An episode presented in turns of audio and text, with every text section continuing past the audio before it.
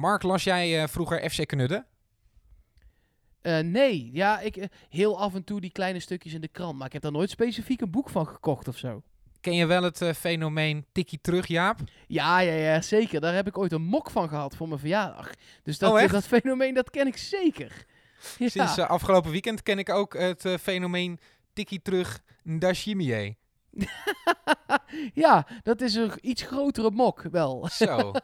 Mijn hemel, Wat? wat gebeurde daar, joh? Ja, maar, maar, echt. Ik kijk, al- ja, maar hè? Dat was een beetje de, de, de gedachte en de reactie die ik had. Ja, eh, dat was natuurlijk een, een kleine zijlijn in een verder hele leuke avond. Eindelijk weer is rondom eh, PSV. Een goede overwinning tegen een ja, directe concurrent, op dit moment althans. Eh 3-0 gewonnen van Willem II. Daar gaan we het natuurlijk uitgebreid over hebben. En gefeliciteerd, want het is seizoen 3, aflevering 50. Het is Pablo Rosario die hem in de linkerhoek kegelt rechts van de keeper.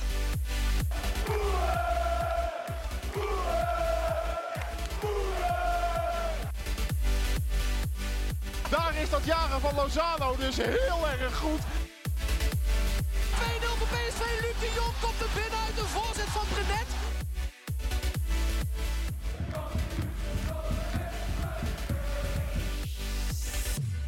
Met in deze podcast Mark Versteden. Ja, en ook Luc van der Braak. Oh ja? Oh, nee, nee wacht. Eh, nee, nee. Nu, nu zag ik ook, net als een dasje mee, ook iemand staan die er Oh, zeg maar Eh, onze nee. keeper die eh, nog op de lijn stond. Ja, onze keeper die is heel even op vakantie. En het is hem zeer gegund. Maar uiteraard in de podcast wel gewoon Yannick Elen.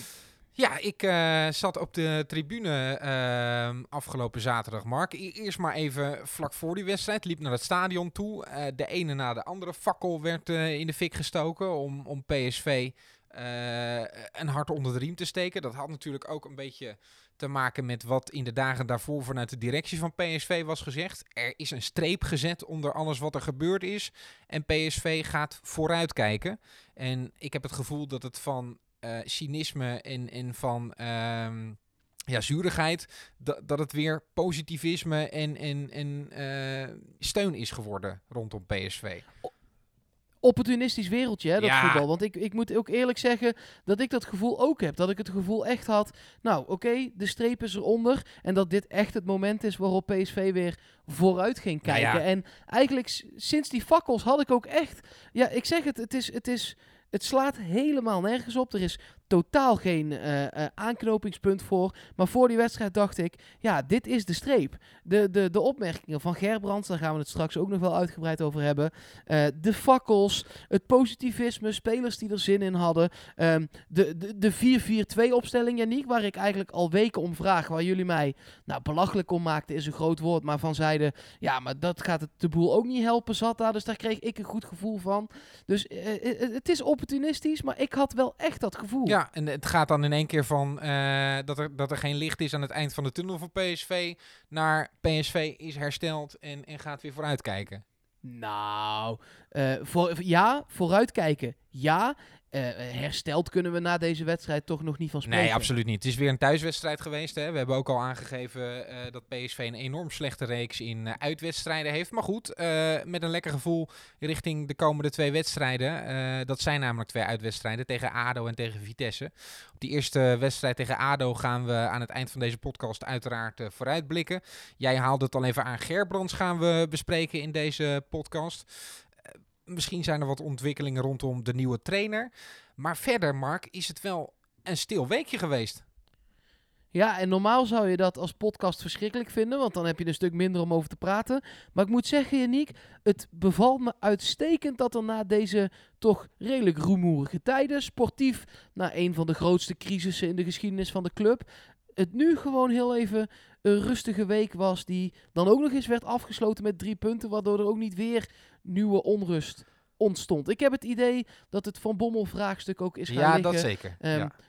dat, dat eh, eh, eh, eh, Guus, wij mogen Guus zeggen, Hiddink en ehm, René Eikelkamp en Faber samen met Zende en Ramsey toch een soort rust hebben weten te creëren binnen de club. Het was eh, hard nodig, ehm, maar zij hebben dat op, op sportief vlak nu wel voor elkaar gekregen, heb ik het idee. Ja, maar ben ik dan zuur als ik zeg dat ik het op sommige vlakken wat erg stil vind?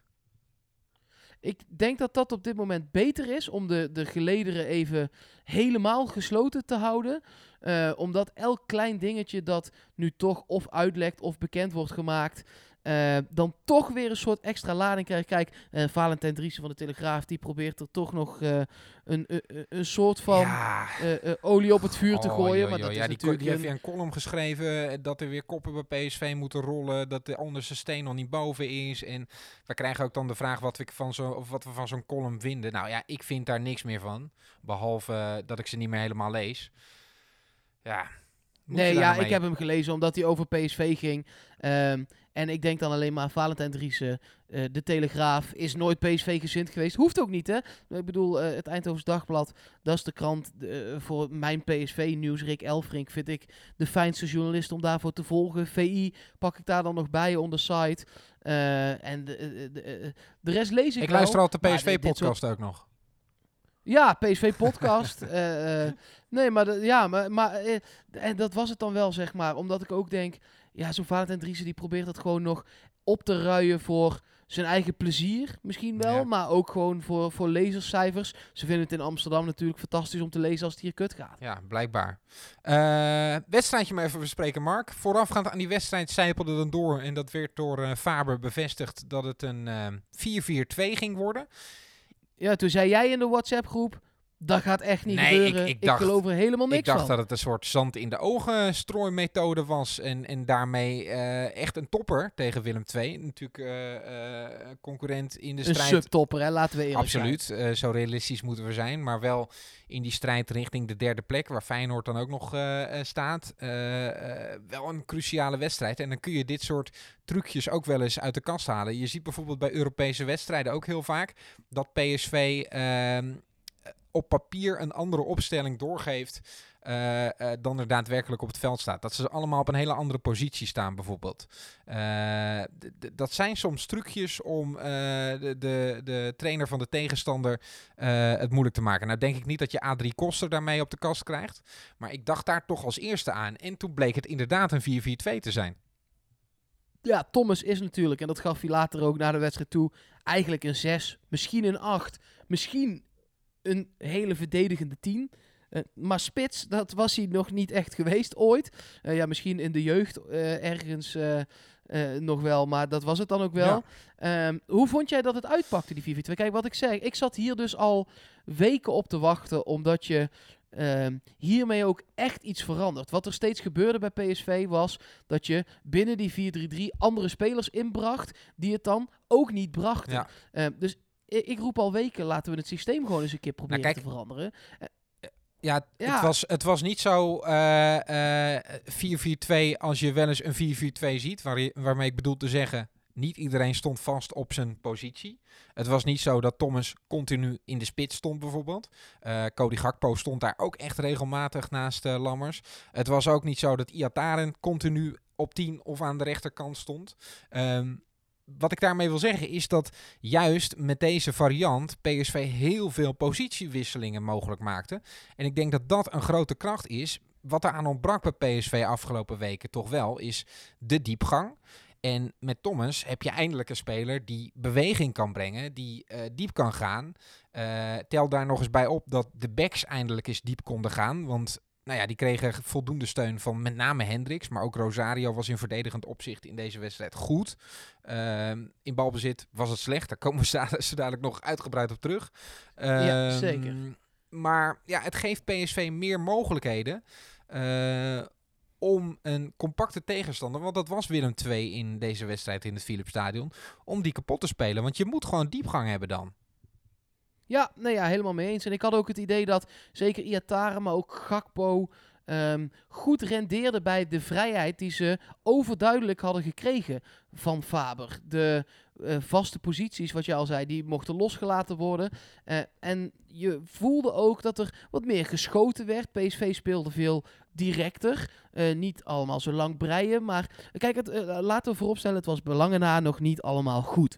Ehm, maar je zag wel de wil, je zag een strijdend elftal. Je zag vanuit achteruit, eh, bijvoorbeeld bij Rodriguez, maar ook bij Schwab en Viergever en Dumfries, wel een soort rust, waardoor er voorin ook die vrijheid uitgeoefend kunt worden. Dus volgens mij is dit systeem, of dat dan met deze elf is, dat weet ik niet, want ik vond dat blok Rosario Hendricks toch wel echt zwak in de opbouw. Maar goed, voor nu 3-0 gewonnen en eh, eh, prima, is dit wel eh, het ding om vooruit op te kunnen bouwen vanaf hier. Absoluut. En, en ja, drie goals, dat is natuurlijk een, een ongekende luxe. Dat hebben we weken niet meegemaakt bij PSV. Laten we even luisteren. Nee, zullen we eens luisteren? Ja, hoe dat, hoe laten dat we dat even doen. Het was echt wel een feestavond hoor. Ja, gelukkig wel. We waren eraan toe. Swaap aangespeeld. Zo probeert PSV er tussendoor te voetballen bij een eh, compact uh, Keurig. Willem II. Dit is een goede bal van eh Swaap. Die geeft hem mee aan Dumfries. Dumfries, schiet Dumfries, en een goal. Oh, wat een goede actie van de rechtsback van PSV. En wie anders? Die maakt altijd de goals in de afgelopen wedstrijden. Ja. Natuurlijk, Denzel Dumfries. Is er dan wat beweging? Ja, van Gakpo, ook van Rodriguez. Rodriguez goed doorgespeeld op Thomas. Thomas moet dan ook snel door richting Gakpo. Hier zit wat in voor PSV met Gakpo die de 16 in gaat. Thomas moet 2-0 maken Ja, en dat maakt hij. hoppa. Oh, wat een goede goal. Zo. Wat een goede aanval over de linkerkant. En Ryan Thomas schiet dan de 2-0 tegen de touwen. Nodi Madueke dicht tegen een basisplaats aan volgens uh, Ernst Faber. Oh, er gaat een goal komen! Wat gebeurt hier Wat is zeg? dit voor een goal? Wat een rampzalige eigen goal van Willem II. Daar eh, denkt uh, Dashi mee dat die bal uh, terug kan naar zijn eigen doelman, naar Wellenreuter. Uh, hij krijgt hem aangeworpen door Freek Herkens. Speelt dan die bal richting uh, zijn eigen goal. Ja, en Ja. daar staat dan geen keeper. En dan is het gewoon een doelpunt voor PSV. Mike Trezor en Dashi mee. Ja. Maakt de 3-0 voor PSV. Nou, bedankt. Wat Dat een is- waanzinnig ja, moment is dit, zeg. Gewoon Ik weet niet wat ik moet zeggen. ongekende goal is dit. Hoor je hoe oprecht verbaasd ik was over die laatste goal?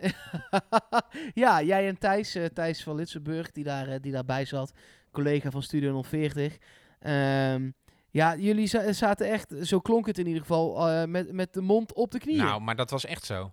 En het was ook, eh, ja, eh, het was een beetje een doodgevallen wedstrijd. 2-0, iedereen geloofde het wel. PSV had na die goal van Thomas het echt wel in de tas.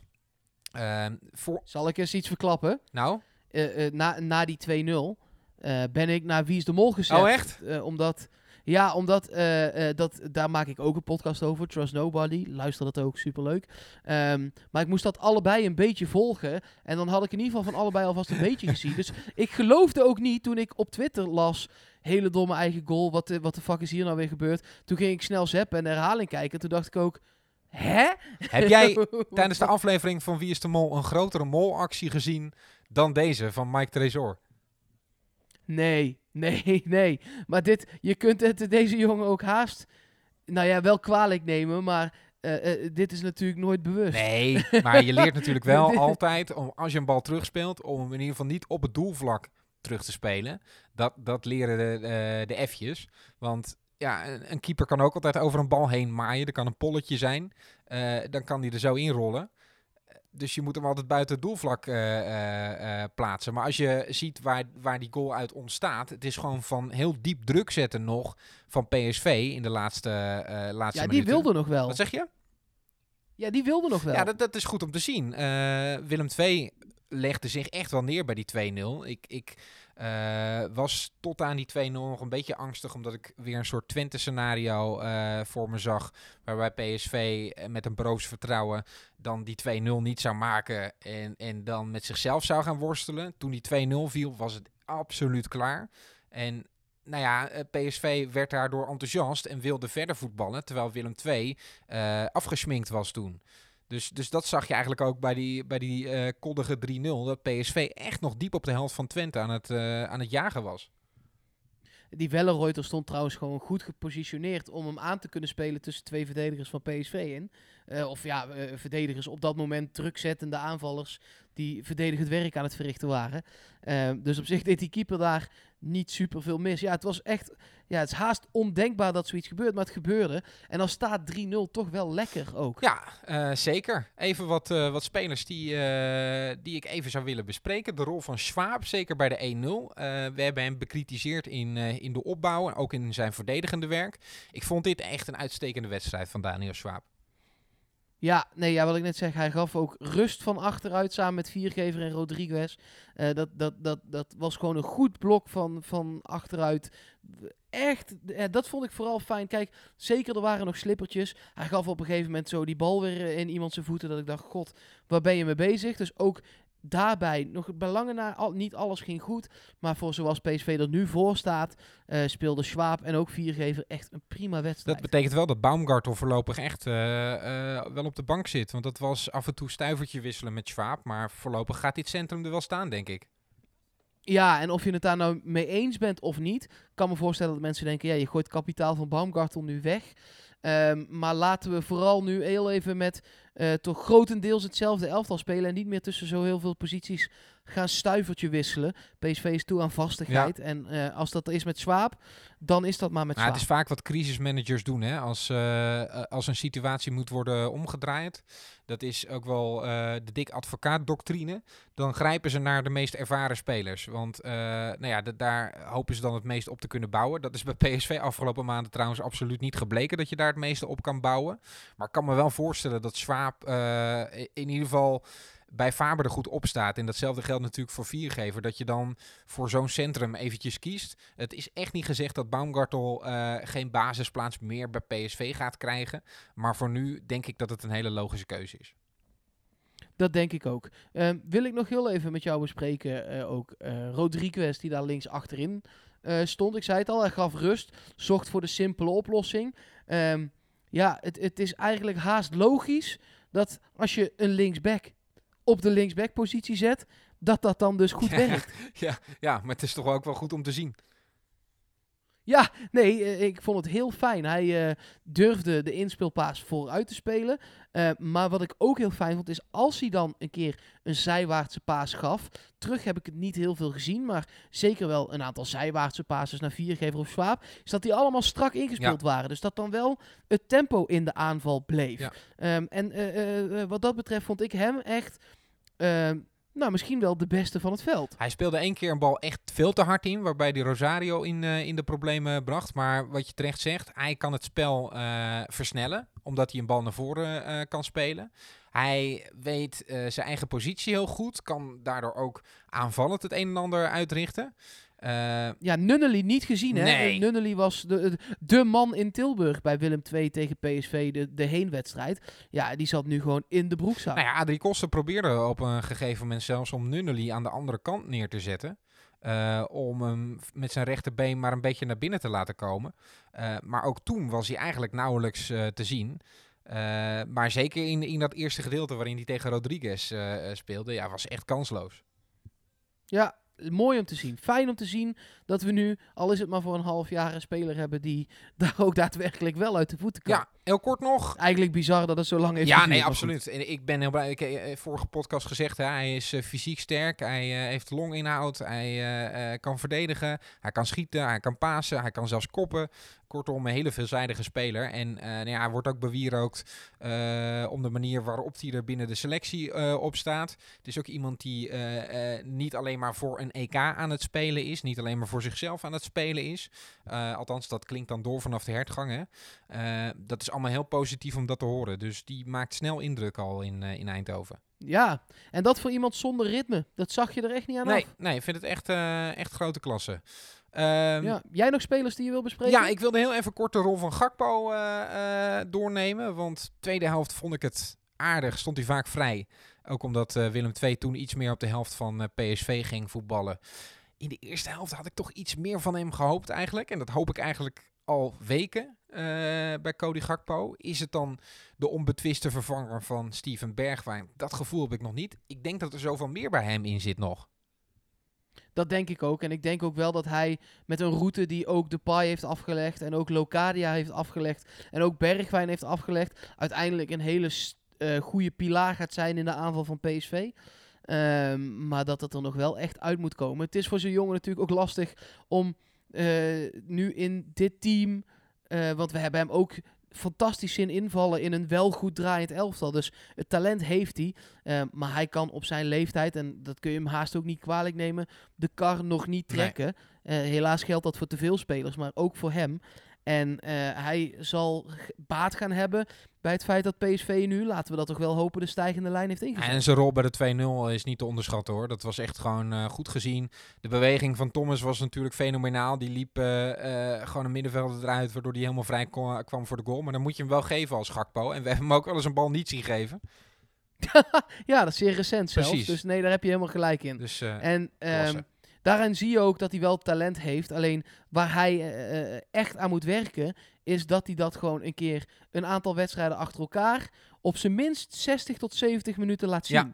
En eh, het is nu nog een momentenvoetballer. En hij moet er naartoe dat, dat hij eigenlijk een dubbele dekking nodig heeft. ja, zeker. 60 minuten lang. Ehm, tot slot, Sam Lammers. Die heeft gewoon een keer een goal nodig. Die is echt nog een beetje naar zijn vorm aan het zoeken. Eh, ja, het is de enige spits die een hele wedstrijd kan spelen bij PSV. Eh, als je ziet hoe makkelijk hij een bal kan schieten, dan heb je ook het gevoel dat hij echt wel iets kan uitrichten bij PSV. Ja, zeker. Maar je ziet hem soms ook wel worstelen hoor.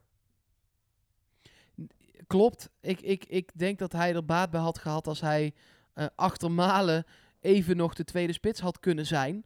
Ehm, maar ja, we, we kunnen gewoon stellen, dat is niet Nee. zo. En dan, dan, dan is dit wat het is. En eh, voor hem geldt een beetje hetzelfde als voor Gakpo. Ik denk dat hij over twee jaar eh, eh, op het niveau is waar je echt de kar kan trekken bij PSV. En dat dat ook voor hem nu nog te vroeg is. Ja, ja, ja, ja zeker. Ehm, goed, sluiten we daarmee denk ik de wedstrijd tegen, tegen Willem II af. Belangrijke overwinning. Het is jammer dat we niet goed weten wat de waarde daarvan is, omdat de rest van de competitie niet heeft gespeeld op zondag. Nee, nee. En eh, ik ben heel benieuwd wanneer dat ingehaald gaat worden. Ehm, en eh, ik wil hier zeker niet de Calimero uithangen, want het is heel goed dat ze het hebben Oh, ga afgelast. jij die liep op een blessureopmerking maken? Ja, dat gaat het toch even benoemen. Ja. Dus toch, nee, maar, nee, maar kijk, niet dat PSV eh, Ajax nog ging inhalen. Ehm, en misschien is het zelfs, zat ik nog te bedenken, wel goed voor PSV als Ajax gewoon zijn beste spelers bij heeft. Want dan kan in ieder geval Utrecht niet dichterbij komen. Ehm, Nou, ik ben in die wedstrijd absoluut niet voor, eh, voor Ajax hoor, dat kan ik je wel zeggen. Nee, ik, eh, ik- ook niet. Maar eh, een goede beslissing dat het is gestopt. Ik ben heel benieuwd wanneer ze het dan in gaan halen. Ja, nou ja, Soet moet gewoon de nul houden toch? Dat zou lekker zou, zijn. zou heel Als fijn zijn. Jeroen ons nog even wil Nou ja, vooral die wedstrijd AZ Feyenoord, daar ben ik heel benieuwd naar. Want dat gaat ook wel een hele hoop bepalen. Kijk, Feyenoord zit in een positieve flow. AZ hikt nog richting eh, die titelstrijd. Eh, maar ja, bij hen wordt toch wel de vraag, gaan zij nog eh, blijven aanhaken? Of gaat dat een strijd om de tweede, derde plaats worden voor hem?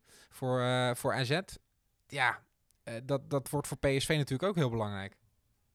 Zeker weten. Dus, eh, Zeker dus, dus weten. dat is een wedstrijd waar we nog, eh, waar we nog naar uit kunnen, kunnen kijken. Het is wel, eh, wel mooi. Ik dacht, ik google terwijl we het opnemen nog wel heel even snel of niet tijdens de podcast zojuist bekend is geworden. Zo van, nou, we gaan hem, eh, we nemen dit op op maandagavond. Eh, we, we gaan hem morgen inhalen, zeg En? maar. En als je, als je nu googelt op AZ Feyenoord, dan is de eerste zoekopdracht, zeg maar, die die aanvult is AZ Feyenoord wanneer. Eh, en de eerste hit is, dat is op dit moment nog onbekend. Aha, nou oké. Mochten we tijdens deze podcast daar nieuws over hebben, dan eh, hoor je dat uiteraard van ons. Ehm, nieuws was er ook wel rondom eh, Toon Gerbrands, eh, Mark. die heeft zich een beetje uitgesproken, of een beetje, die heeft zich uitgesproken over wat er rondom zijn persoon allemaal gebeurt. Dat vond ik echt wel heftig om te horen. We wisten natuurlijk ook wel al. Het is niet zo dat het, dat het een gigantische verrassing is. Maar ja, dat hij zegt de persoonlijke veiligheid was op sommige momen- momenten bij mij in het geding. De recherche is voor onderzoek bij mijn huis geweest. Er moesten camera's worden opgehangen. Blijkbaar is dat de prijs die men tegenwoordig betaalt voor deze functie. Dat is toch ja, daar ben ik het echt hè? niet mee eens. Dat, is toch, dat zou toch niet. De, dat, dat, blijkbaar is het de prijs die je er tegenwoordig voor betaalt, slaat natuurlijk helemaal nergens op. Dat, dat, dat zou het niet moeten zijn. En ik, ik eh, eh, eh, ga verder niemand anders beschuldigen. Maar je kunt je haast niet voorstellen dat dat PSV-supporters zijn. En nogmaals, ik bedoel daar niet mee dat het dan supporters van andere clubs of zo zijn. Ehm, maar de- je kunt het je toch haast niet voorstellen dat, dat je fan bent van een club en dat je. Wat, wat denk je dan? Dat dit de club helpt? Nee, ja. Dat je je gelijk moet gaan halen? En ik- Wat, wat gaat er in je hoofd om als je dat, dit gaat doen? Iemand bedreigen blijkbaar. Of eh, op zijn minst eh, eh, eh, daar toch dingen naartoe stuurt. Of ik, eh, ja, ge- wat, geen idee wat, ook wat het dan precies betekent. Nee, dat, dat zegt hij ik zelf ook niet, hè? Maar hij zegt bij. wel dat er dingen in zijn brievenbus zijn gekomen waarvan je liever niet wil dat ze in je brievenbus komen. Ja, dat wil je gewoon echt niet in je huis hebben. Die man heeft ook gewoon een familie. Hij is, hij is opa geworden. Daar heeft hij zich ook nog over uitgesproken. Want dat kon hij dan niet twitteren. Waarvan ik dacht, nou ja, degene die hem dat geadviseerd hebben, daar ben ik dan heel benieuwd naar wat daar de achterliggende gedachte van is. Als je me daar meer helderheid over kan geven, wat daar eventueel slim aan is om dat niet te tweeten. Be my guest. Maar Nou ja, eh, als jij onder, onder eh, eh, als jij bedreigd wordt en zij weten dat dat dan een punt is op dat moment waar jij kwetsbaar bent. Ehm, en jij bent bang dat ze dan ook bij het adres waar dat kind geboren is langs ja, gaan. zou dat, zou kan dat ik me het wel zijn, ja? voorstellen. Ja, nou ja, dat is wel het eerste waar ik Ja. aan denk. Dat is op de, Ja, dat kan. eh, wel het laatste wat je nog zou willen. God, ja, zo had ik er nog niet eens over nagedacht. Het is echt in en in triest. En, en ja, wat Gerbrands daar ook over zei, er moet gewoon echt een verschil zijn tussen eh, de algemeen directeur Toon Gerbrands en de persoon Toon Gerbrands. En dit gaat echt op de persoon. En, en dat is zo ontzettend heftig. Je kan het niet eh, op sommige punten gewoon niet met hem eens zijn. Eh, wij zijn ook wel eens kritisch op Toon Gerbrands geweest, maar Zeker. dit soort gedragingen, dat, dat ja, ik, ik schaam me daar wel een beetje voor. Terwijl We ik er totaal het nog geen, maar eens af. eh, geen enkele rol bij heb. Maar ja, dat die in hetzelfde stadion zitten misschien wel. Ik mag hopen dat ze inmiddels een stadionverbod hebben, maar dat is ongelooflijk. Ja, en tuurlijk hebben we kritiek op eh, zijn leidinggeven. Want onder zijn leiding is het een puinhoop geworden, hoe je het ook wet of keert. Ehm, en eh, eh, zeker als je dan een aantal boeken hebt geschreven over hoe je dit soort situaties zou moeten voorkomen. eh, of toch op zijn minst managen daarna. en het gaat daarna fout binnen je eigen toko. dan is dat natuurlijk aan de ene kant best wel grappig. En aan de andere kant heel teleurstellend. En dan mag je op, op dat alle kritiek hebben die je wil. Maar zodra dat dan inderdaad op de persoon gaat en in de persoonlijke sfeer komt, dan eh, doe, eens, doe gewoon weer eens even lekker normaal met z'n allen. Daar is PSV ook helemaal niet de club Nee. voor. Ik, de- ik, ik voel bij PSV niet dat dat de club is. Er wordt wel eens een keer gemoedelijk een busje opgewacht. En daar moet dan ook echt de grens eh, eh, zijn. Ja. Ja, zeker. Ik heb liever dat ze die bus opwachten met, eh met fakkels trouwens. Dat, dat, dat zag er veel beter uit dan, dan die bestorming van, van de hoofdingang. Eh, waarover Zeker. mensen dan ook gelijk weer zeggen, dat zijn dezelfde capuchonnetjes en waarom doen ze dat nou? Ja, daar heb ik ook totaal geen boodschap aan. Daarvan denk ik dan, god, daar steunen ze een keer de club en dan is het nog niet goed. Eh, ja, nee, tuurlijk. Dat was gewoon goed, toch? Die steun. Ja, leek mij ook, leek mij ook. Eh, En er, zitten ongetwijfeld een paar rotte appels tussen die daar met de fakkels Ja. stonden.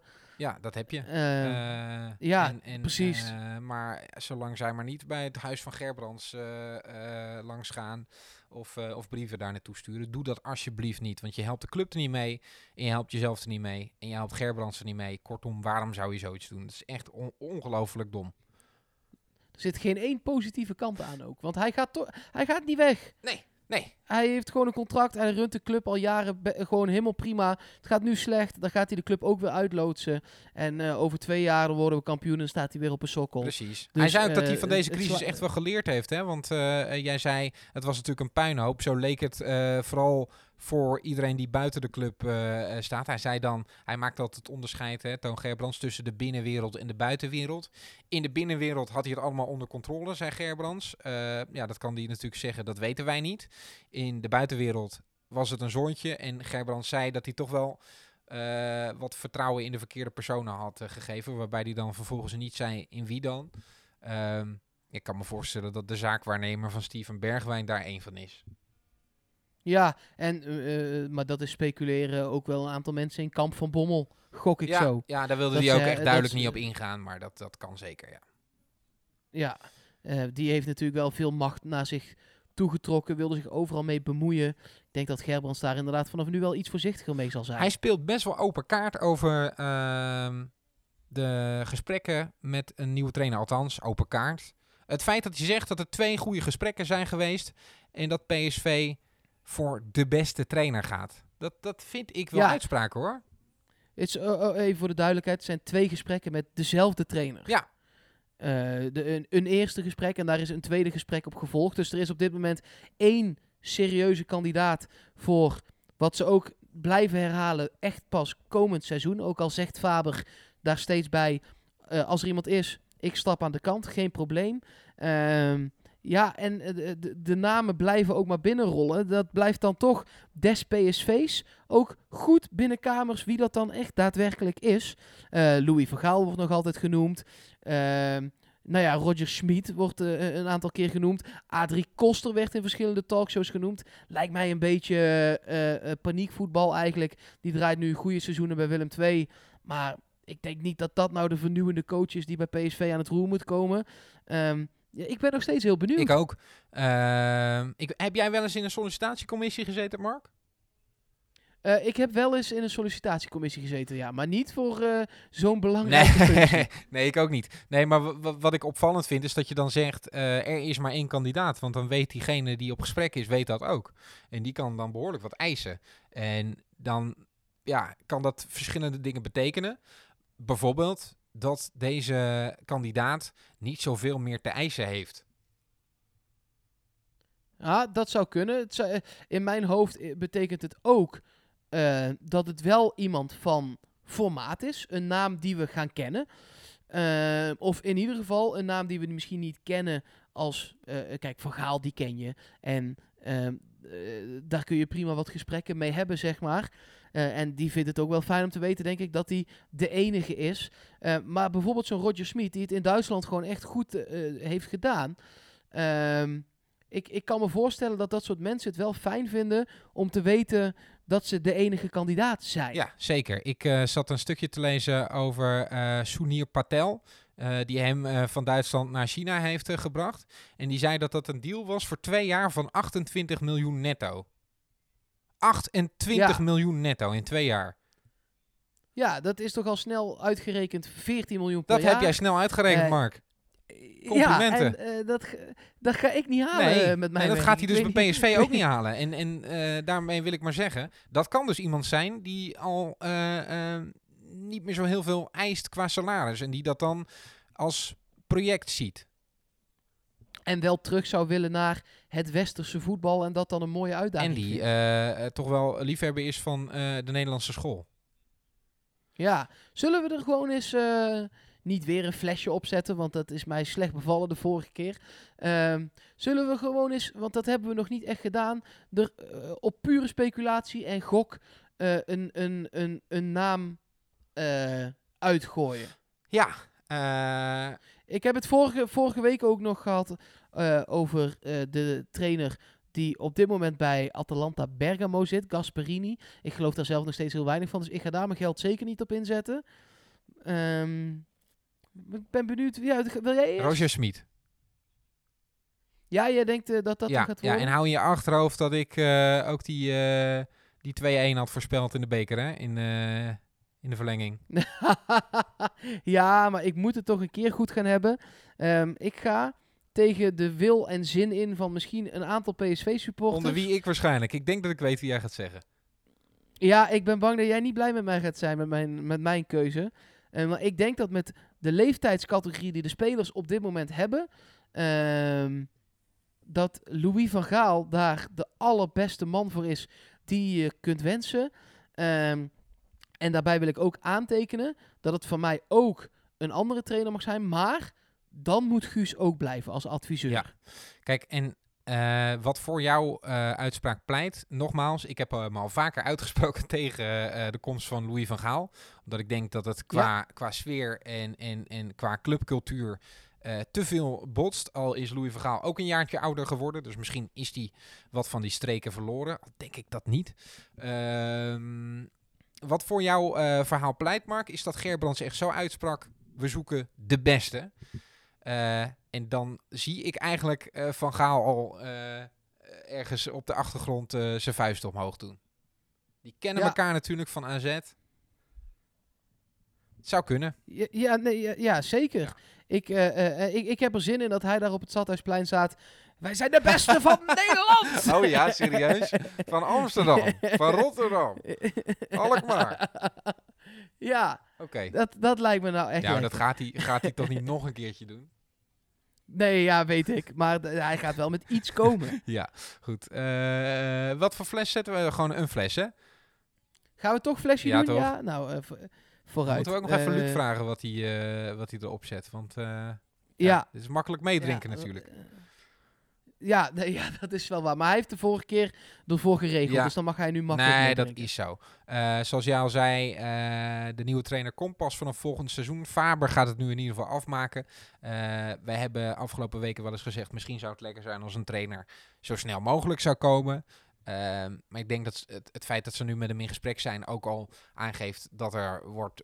Ja, dat, dat die trainer serieus naar dit PSV aan het kijken is. En dat er echt wel gesprekken ook zijn over de opbouw van de selectie, de wensen van zo'n trainer, eh, de opbouw van eh, de directie. Ehm, we hebben ook nog eh, bij PSV gevraagd hè, of eh, eh, eventueel vertrek van eh, John de Jong of Toon Gerbrands eh, nog invloed zou hebben op zo'n trainer. Nou, er werd vanuit PSV niks over gecommuniceerd, behalve dan dat er werd gezegd, het zou voor een trainer natuurlijk wel lekker zijn als hij weet met wie die gaat werken.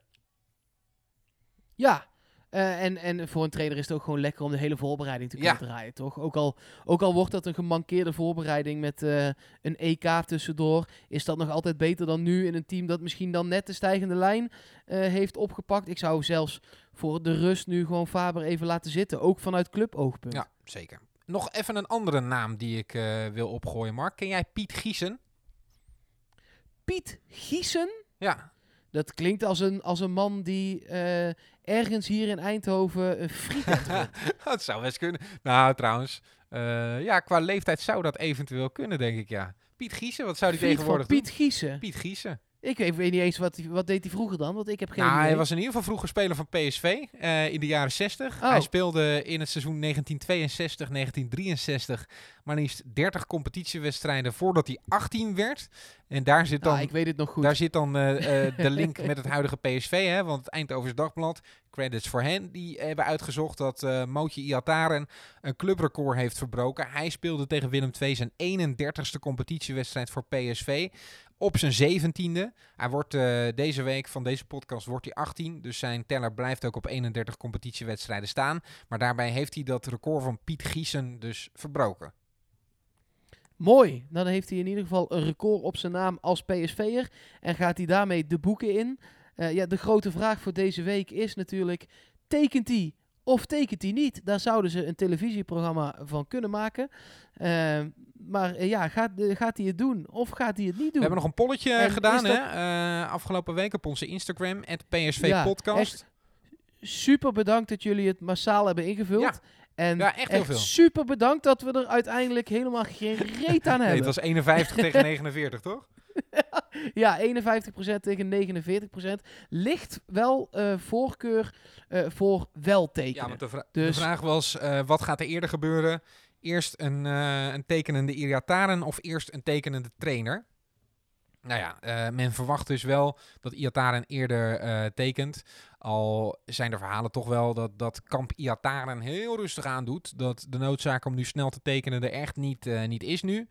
Ehm, ja, we hopen gewoon dat dat zo snel mogelijk gebeurt. Het kan vanaf zijn 18e verjaardag en die is deze week. Dus zo snel mogelijk Ja, doen. Ik, eh, maar wij verwachten allebei niet dat het deze week al gaat gebeuren. Nee, toch? nee, nee, maar eh, we benoemen het zo vaak omdat we het hopen en omdat we de drukte Zeker, gewoon op de ketel zeker. willen hebben.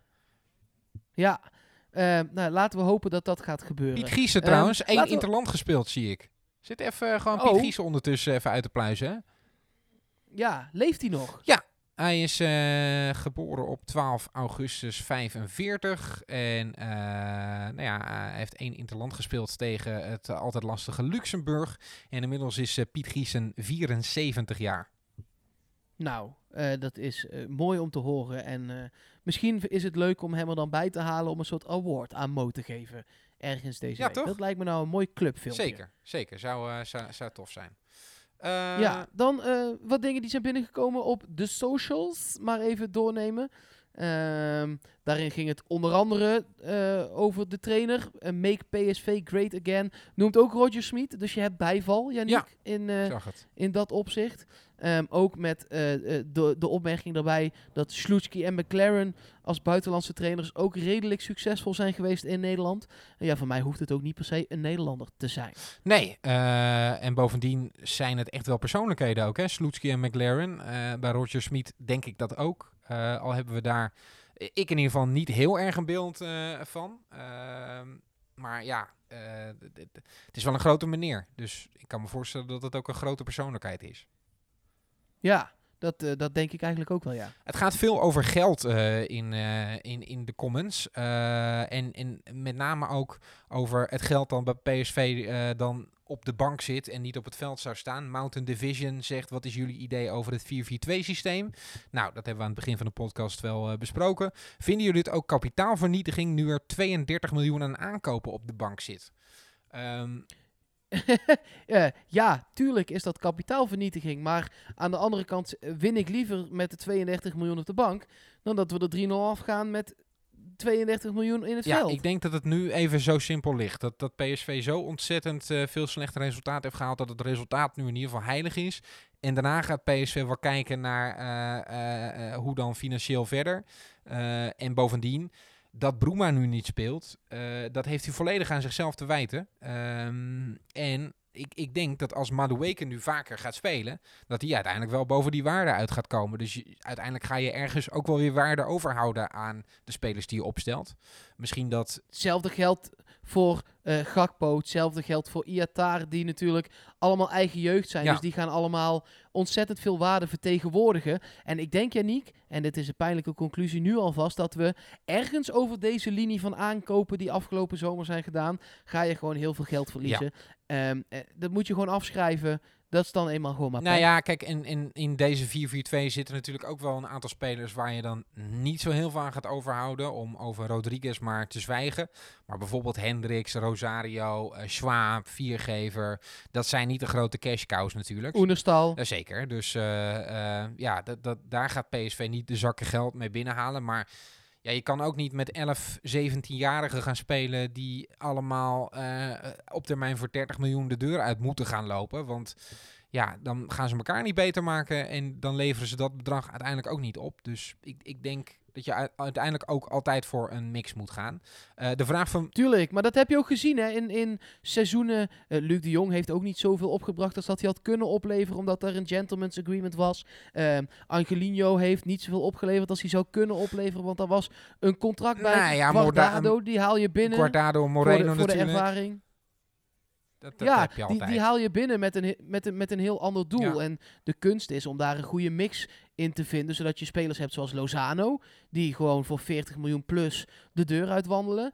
En Guardado, waarvan je weet, eh, die halen we binnen voor de ervaring en die schrijven we eigenlijk meteen Ja, af. Ook. ja, ja, Bas het Hart eh, die eh, reageerde ook op Twitter. Die zegt: Is het nog mogelijk om budgetneutraal naar het voetbal te kijken? Dat wil zeggen, zonder je als fan bezig te moeten houden met transfer- en salariskosten.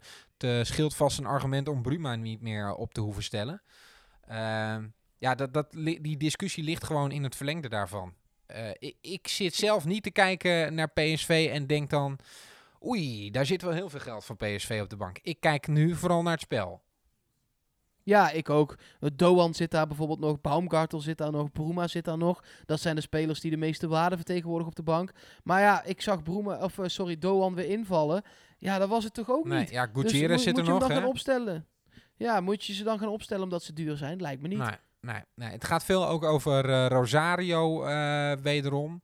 Eh, we hebben zijn rol een beetje besproken. Hè? In het afjagen en verdedigend is hij belangrijk. Hij stroopt de mouwen op en, verovert ballen. In voetballend opzicht is het zeer ondermaats. Zelfs als PSV ruim voor staat, dan schiet hij ballen over de zijlijn. Eh, cross En gewoon bij tegenstanders in ja, de voeten. Ja, ja, ja heel, eh, heel heftig om, eh, om te zien. Crosser zegt, kan PSV op deze voet verder? En wat vinden jullie van de plek van Thomas zo? Denken jullie dat Faber gaat tornen aan het duo Rosario-Hendricks?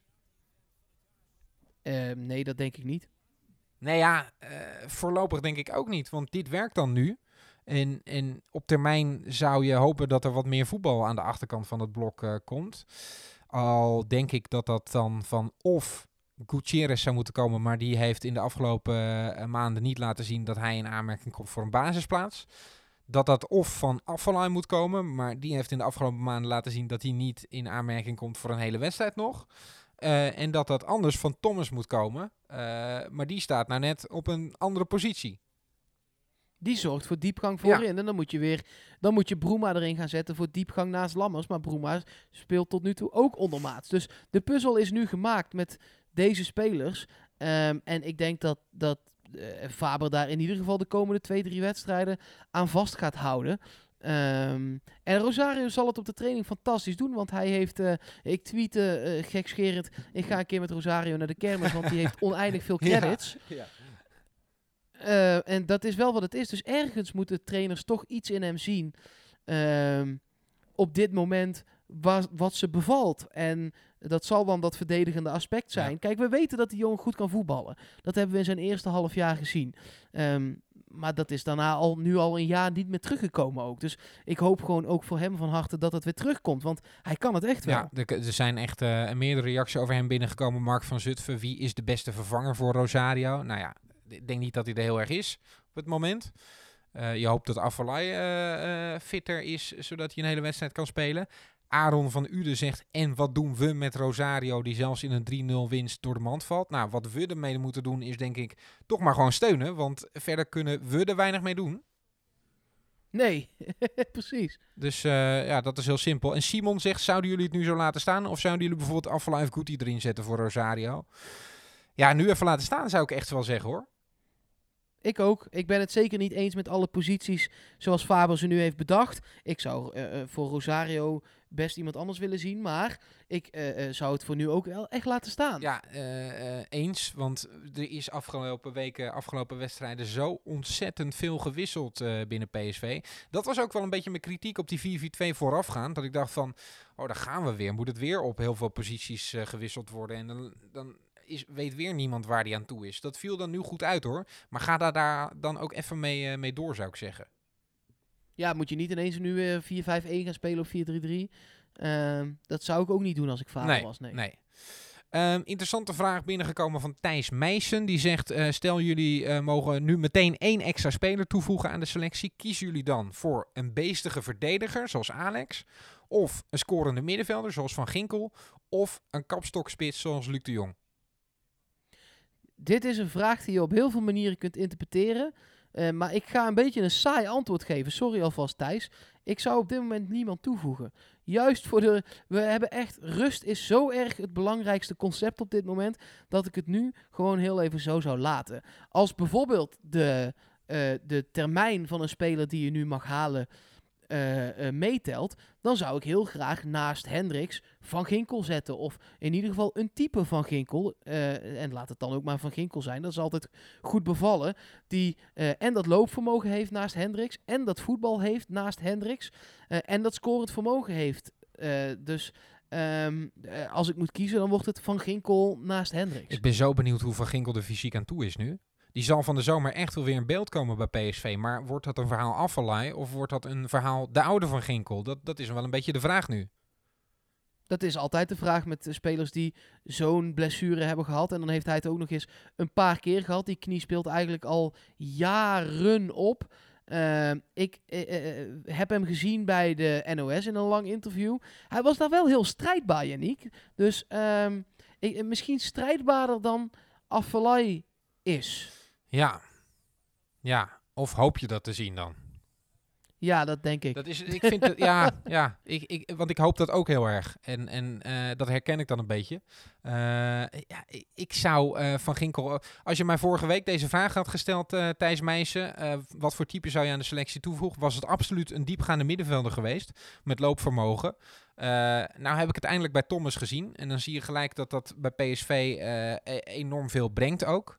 Eh, en als ik nu dan op basis van die wedstrijd tegen Willem II die vraag zou moeten beantwoorden, dan zou ik absoluut voor een spits gaan. Want we hebben nu eh, opkomende backs die, eh, die iets kunnen doen. Ehm, ja, dan, dan mist voor mij vooral een spits die de ballen afmaakt. Al denk Ja, kijk, weet je wat het is, eh, het, is ook, het, het is heel erg hoe je deze vraag ja, interpreteert. want Malen komt ook weer als terug. Je, het- als je het, Ja, als je het interpreteert voor dit half jaar, zeg ik ook een spits. Maar als je het voor een langere termijn bekijkt, zeg ik diepgaande Ja, middenvelder. ja, of juist die beestachtige verdediger.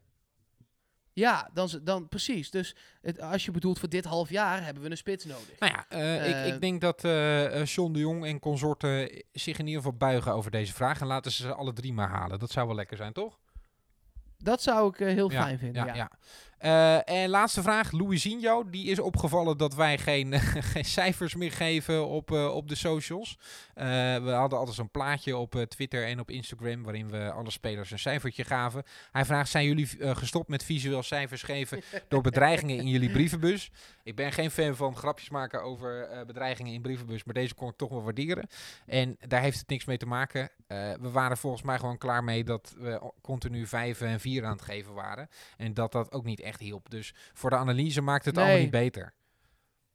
Nee, en eh, de- kijk je achter het scherm bij de podcast. Ik bedoel, eh Yannick, ik en ook Luc eh, hebben het er iedere week over hoe we de podcast eh, toch nog weer ietsje beter kunnen maken. We, zijn er gewoon altijd mee bezig, ook omdat we het leuk vinden. En we waren er ook wel klaar mee dat we daardoor eigenlijk alle elfde spelers aan het beoordelen waren en aan het bespreken waren in de podcast. Ehm, terwijl bij nou, eh, eh, een aantal spelers wekenlang de situatie redelijk hetzelfde Ja. bleef. Ja. En in dit geval negatief. Maar dat kan ook voor positief. Bijvoorbeeld een Dumfries hebben we vandaag niet besproken. Ik bedoel, die maakt wel een doelpunt. Eh, en, en die staat aan de rechterkant, maar die staat al weken Gewoon goed, weer te- goed. Te, te ballen. Ja. Dus dan, ja, dus dan kun- kunnen we wel ja, dan kunnen we zeggen, ja, wel weer een gewoon 4 en. Rosario uitdelen of een 5. en wa- wat maakt dan het verschil tussen 4 en een 5? Dat kun je nooit uitleggen in een plaatje. Eh, en ben je het dan nog wel over PSV aan het hebben of over 11 individuen? Eh, kortom, eh, dat heeft uiteindelijk eh, voor de afweging gezorgd dat we dat niet meer doen. Maar mocht je hele goede ideeën hebben voor dingen die je heel graag op onze socials eh, wil zien, eh, op Instagram, op Twitter, eh, laat het dan ook vooral weten. Want eh, wij kunnen het wel allemaal bedenken, maar met z'n allen kunnen we veel betere dingen bedenken. Dus laat dat vooral weten. We vinden het leuk om erover na te denken. Zeker weten. Ehm, de komende wedstrijden, Yannick, dan maar. Ja, Ehm, tegen de Eh, nummer eh, 17, ADO uit. ja, wat, eh, wat voor wedstrijd denk jij dat dat gaat worden? Ja, eh, je hoopt dat PSV nu even de lijn kan doortrekken en, en ook in een uitwedstrijd een resultaat kan halen. En dan zou je zeggen, ADO is daar ideaal voor, de nummer 17. En juist daarin schuilt voor mij het gevaar. Want dit heb ik ook gedacht bijvoorbeeld over Emmen. En eh, dit heb ik over wel meer uitwedstrijden gedacht. En dan gaf PSV niet thuis. Dus mocht PSV zich echt willen oprichten uit eh, eh, de chaos en, en uit de crisis. Ook dan is PSV er nog niet uit hoor. Maar het zou wel heel erg helpen als PSV ook in de komende twee uitwedstrijden, ADO uit en Vitesse uit, een resultaat gaat halen. Zeker. Ehm, dus eh, dat is zo. Ik heb wat statistieken. Laat maar komen. Ehm, laten, we, laten we die maar eens doornemen. Ik denk dat het eh, ADO Den Haag een van de clubs is die eh, het vaakst van, van naam is gewisseld. Ze hebben FC Den Haag geheten in twee verschillende periodes. En ook ADO Den Haag. En ook gewoon ADO. Ehm, nu dus gewoon weer ADO Den Haag. PSV heeft daar in totaal 103 keer tegen gespeeld. Waarvan 50 keer in Den Haag. Ehm, daarvan won PSV er 23. Dat is minder dan eh, de helft. 18 keer werd er gelijk gespeeld. En 9 keer ging ADO Den Haag er met alle drie de punten vandoor. Eh, thuis zijn de statistieken overigens eh, voor PSV net even wat rooskleuriger wel. Ehm, maar dat zijn de uitcijfers. 103 keer dus in totaal. Ehm, PSV zou, als het eh drie punten systeem altijd zou hebben geteld, 2,3 punten hebben gehaald eh, in eh, alle wedstrijden. En uit 1,7, om dat verschil ook maar heel even aan te Ja. geven, dat het daar toch vaak een bitterdere pil is dan in Eindhoven. Ehm, de grootste overwinning van PSV in Den Haag was in 1990 en eh, in, eh, sorry, was in 2018 moet ik zeggen. Toen werd het 0-7. Ja, ja, dat was die Gutierrez-wedstrijd. Zeker, dat we, eh, weten we nog goed vorig jaar. Ehm, en eh, daar wilde ik het al over gaan beginnen, maar de jaartallen stonden eronder. In 1990, 1991 verloor PSV met 3-0. Dat was eh, een record eh, de andere kant op. Ehm, ik moet zeggen, Yannick, dat ik eigenlijk denk dat PSV deze wedstrijd redelijk eenvoudig gaat winnen. Gaan we meteen maar door ook met ehm, de, eh, de, de, eh, de uitslagen zoals wij die denken, om ze te voorspellen. Ja, Ehm, daarvoor wil ik je heel even meenemen wel, voordat we dat gaan doen, naar eh, de afgelopen vijf wedstrijden die er in Den Haag zijn gespeeld. In 2014, 2015 werd het 2-3 voor PSV. Zeer nipt. Seizoen later 2-2. Seizoen later 1-1. Seizoen later 3-3. En daarna dus vorig seizoen die klapper van 0-7. Maar daarvoor dus drie keer gelijk. één keer een zeer nipte overwinning. Dus ik ga voor eh, een makkelijke overwinning, maar wel met kleine cijfers. Het wordt 1-2. ja, je zegt eigenlijk dat die 0-7 een enorme uitzondering was. Eh, wat je ook wel kan Klopt. voorstellen bij een 0-7. Ehm, toch denk ik dat PSV het achterin wel aardig heeft eh, gevonden nu. Dat PSV de 0 gaat houden. En dat PSV daar twee keer gaat scoren. 0-2. 0-2. Ja, wa- waarom we niet voor de allergrootste uitslagen gaan, denk ik dat het voor ons allebei geldt. Het blijft een uitwedstrijd. En die gaan nou niet bepaald lekker nog dit seizoen. Die drempel moet PSV echt nog wel heel even over. Nou ja, en bovendien, nu maakt Dumfries weer een goal en maakt eh, Thomas er een. Eh, maar van hen, ja, van Dumfries kun je het inmiddels wel elke wedstrijd eh, verwachten. Die maakt gewoon elke wedstrijd één. Ja. Maar ja, heel eerlijk gezegd zijn dat natuurlijk niet de spelers waarvan je het elke wedstrijd kan verwachten. Dus er zijn geen doelpuntenkanonnen op dit moment bij PSV. Dus verwacht ik ook niet dat het zo'n hele grote uitslag gaat worden. Nee, nou dat. Ehm, ik hoop wel dat we, dat we die uitwedstrijddrempel overgaan, uh. Ja, dat zou eh, heel fijn zijn. Eh, sowieso ben ik na afgelopen weekend en na wat er afgelopen week allemaal is gezegd. er is een streep onder PSV en de crisis. Het, het is echt nog niet allemaal over. Maar we kunnen in ieder geval vooruitkijken. Dat is wat de directie zegt en dat is wat ik ook zeg. Dat resultaat van, tegen Willem II heeft daar natuurlijk ontzettend bij geholpen. Eh, en laten we dan ook gelijk maar doorpakken in die twee uitwedstrijden. Het zou fijn zijn. Zeker, heel veel zin in. En laten we hopen dat we elkaar dan volgende week spreken. Ehm, en dat we dat ook allemaal kunnen bevestigen. Ja, en dat we dan ook echt volle bank voor die derde plaats aan het strijden zijn. En misschien wel ook richting Nee. Yannick, niet uitspreken. Niet uitspreken. Oké, Eerst maar eens die derde plek. precies. Gaan we volle bak voor die derde plek.